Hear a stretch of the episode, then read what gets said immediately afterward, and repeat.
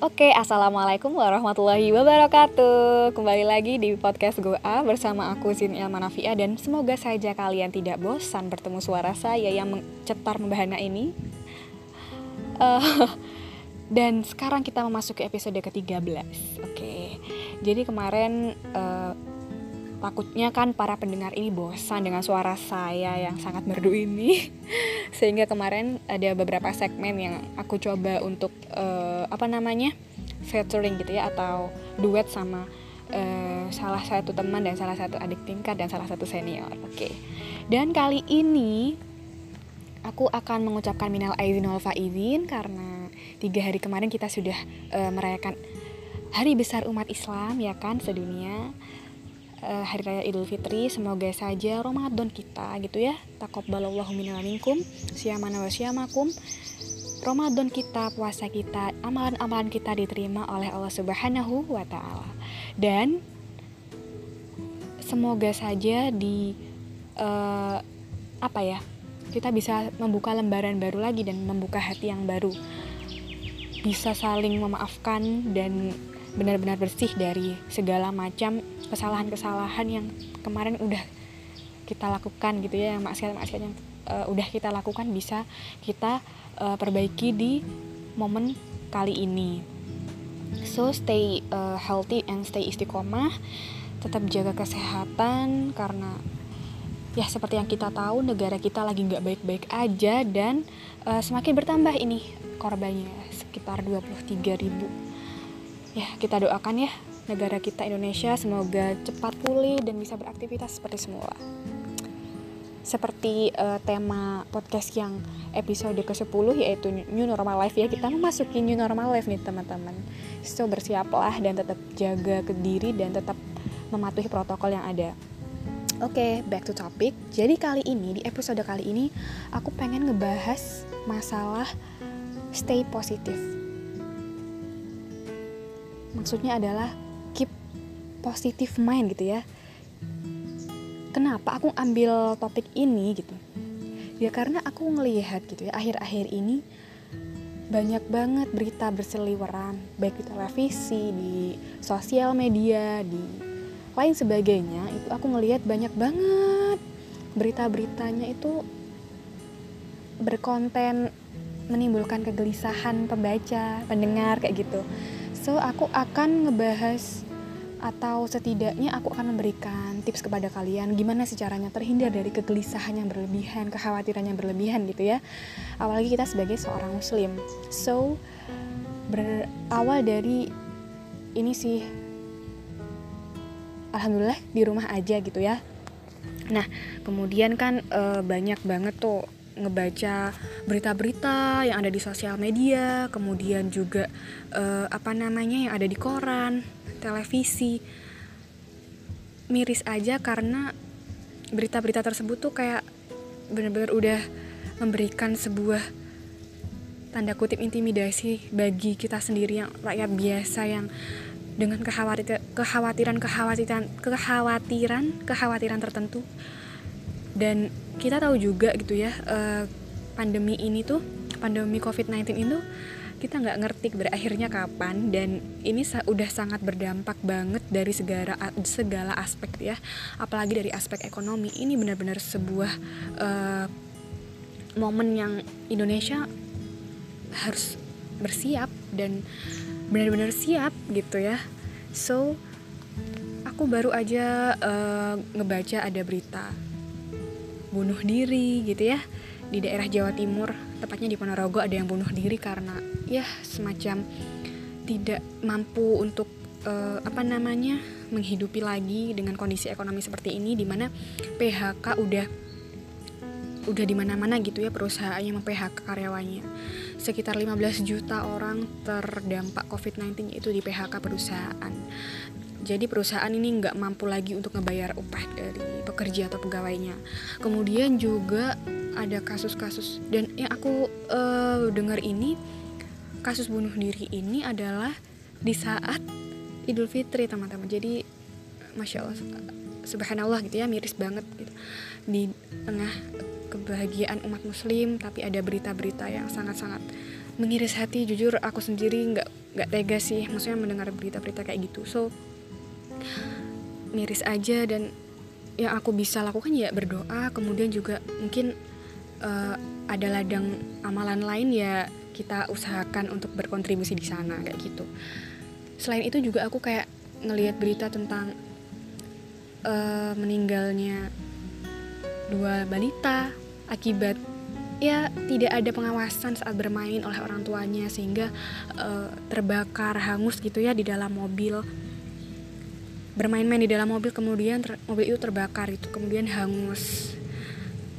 Setelah sedih sih. Kemudian juga ada uh, tenggelam berita tenggelamnya pelaku perjudian gitu ya di tengah-tengah uh, masih bulan Syawal dan baru tiga hari yang lalu Idul Fitri gitu masih saja ada penjudi dan dia dari berdasarkan berita yang aku lihat gitu ya dia ini uh, menghindari polisi gitu menghindari kejaran polisi kemudian dia nekat terjun gitu ke sungai dan meninggal kayak gitu. Jadi aku jadi kayak mikir gitu maksudnya merenung kembali gitu.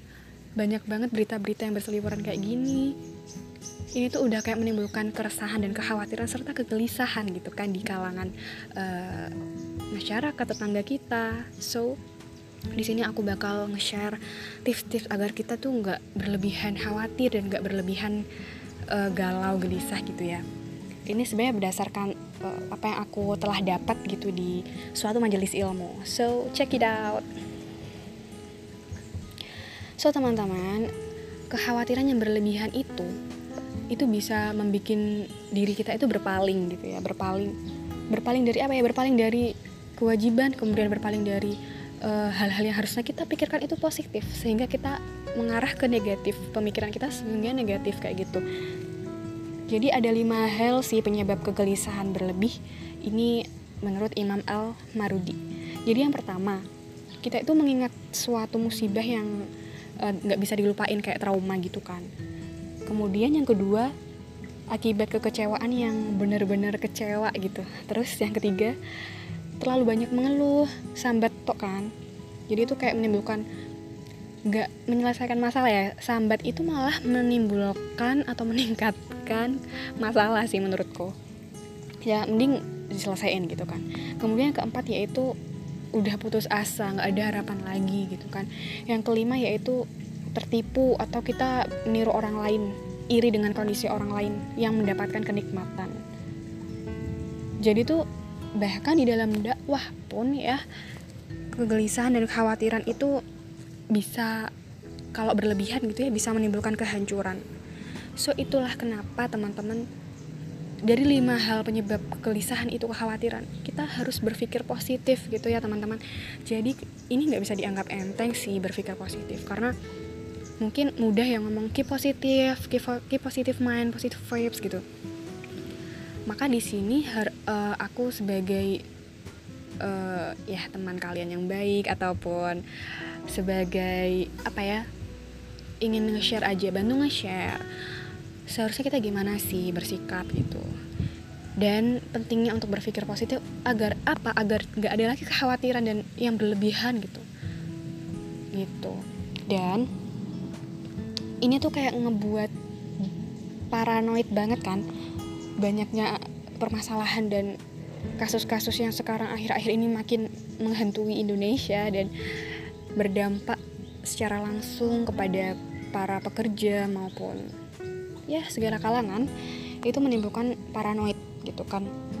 Rasa takut yang luar biasa pastinya. Ada beberapa yang seperti itu dan membuat stres dan depresi gitu ya jangan sampai deh kita kayak gitu sampai kayak bunuh diri dengan mengakhiri dengan keputusan yang salah kayak gitu teman-teman. So semoga kita tetap di jalan yang lurus gitu ya. Nah jadi solusinya apa sih? Jadi kita langsung aja sih berangkat ke solusi ya nggak usah banyak cuap-cuap. Oke solusinya apa gitu? Yang pertama ada di dalam surat Al-Ma'arij ya ayat 19 sampai 22. Intinya di situ adalah sifat mengeluh, sifat keluh kesah gitu ya dan kikir itu udah sifat murni manusia. sehingga di dalam uh, mengatasi kekhawatiran dan sifat keluh kesah itu kita harus apa sholat teman-teman kita harus mendirikan sholat agar tenang jadi uh, kita itu bisa dianggap sabar dan uh, apa ya bisa dianggap sabar dan kuat itu dan tenang gitu intinya. Itu kita mendirikan sholat. Dan kemudian yang kedua itu solusi yang kedua ada di dalam surat Ar-Ra'd ayat 28 jadi di sini ala bidzikrillahi tatma'innul qulub. Jadi zikrullah zikir kepada Allah itu merupakan solusi ya teman-teman untuk menghindari uh, kekhawatiran atau kegelisahan yang berlebihan kayak gitu.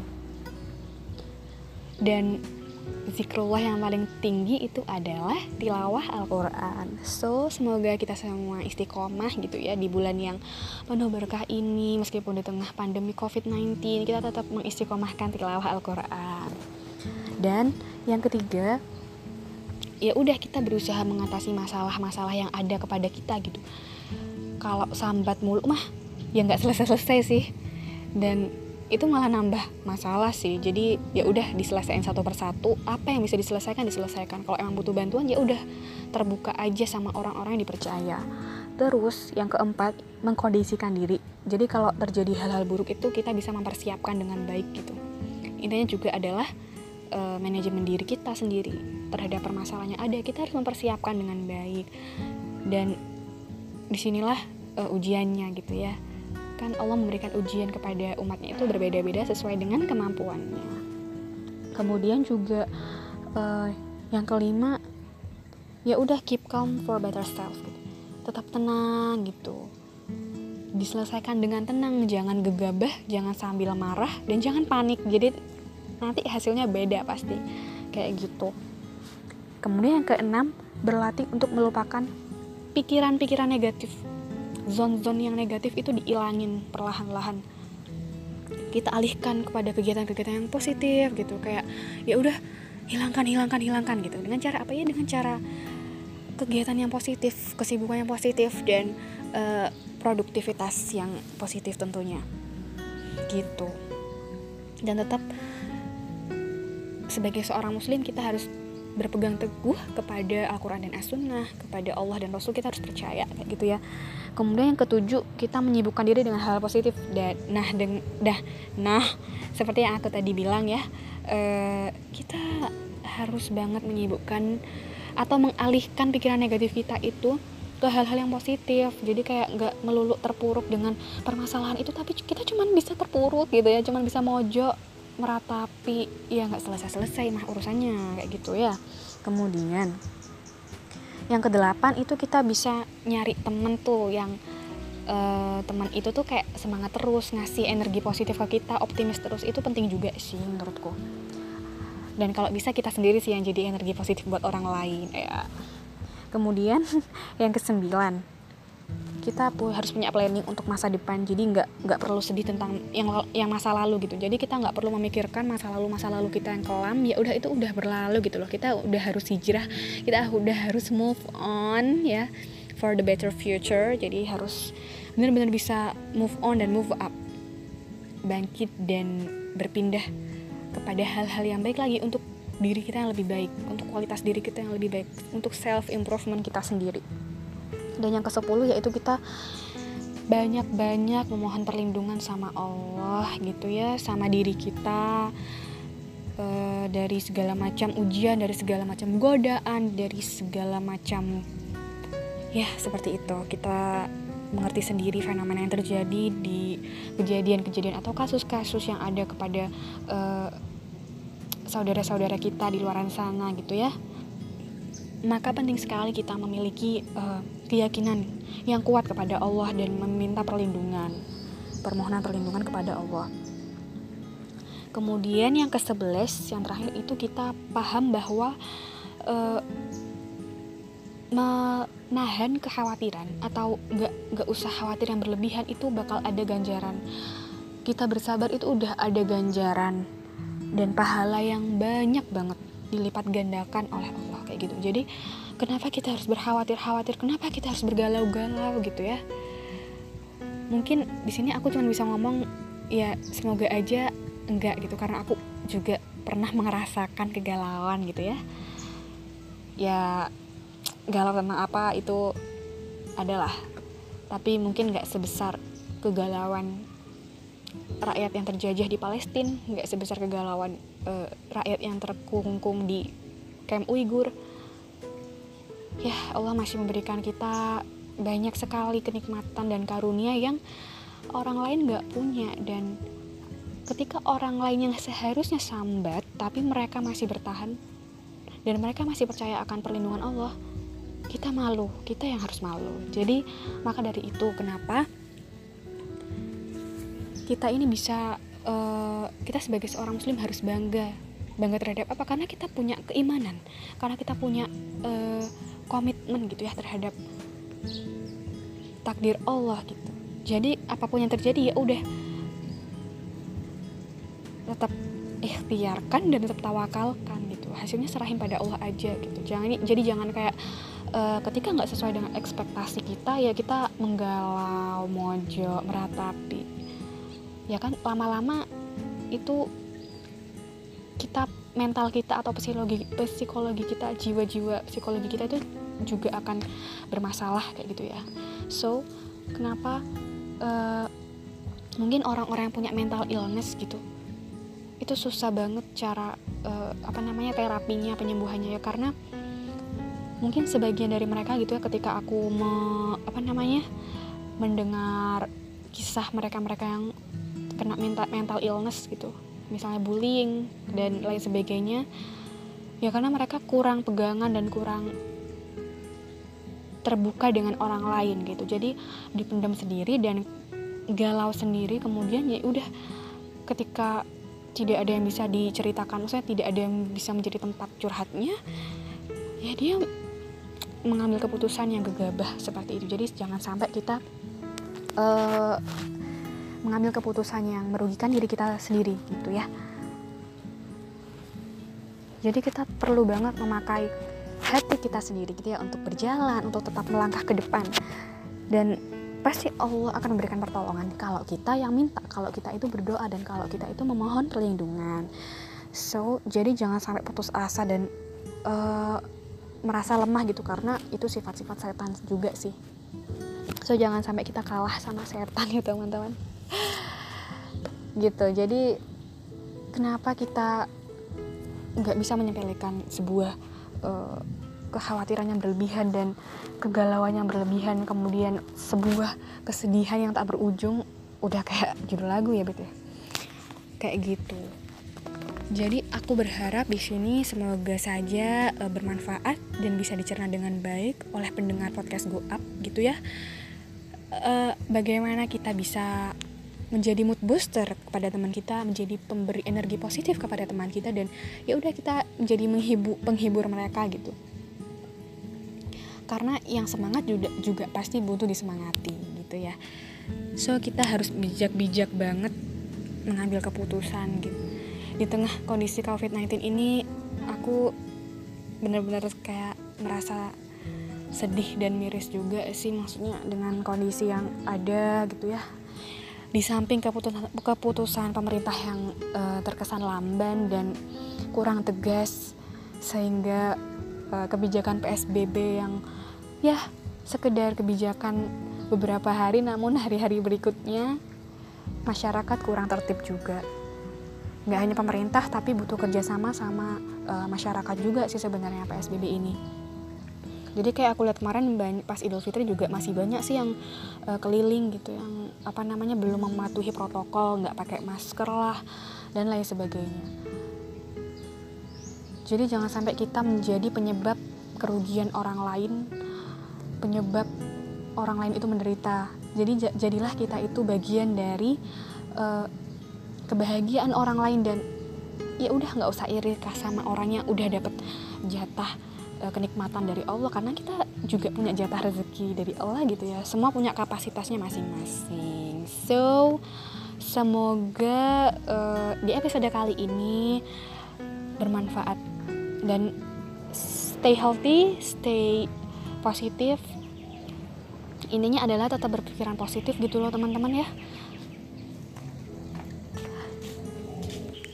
So semoga tips dan trik serta uh, nasihat dari aku pribadi itu bermanfaat dan bisa diterapkan dan boleh banget di share ke teman-teman kalian gitu ya di tengah kegelisahan yang sangat kita nggak ngerti ya kapan akan berakhir semoga kita menjadi salah satu penyebab uh, penyebar kebaikan dan penyebar energi positif stay tune at podcast go up Stay tune at podcast Go Up, Go Up and Go Up. And wassalamualaikum warahmatullahi wabarakatuh. Annyeong.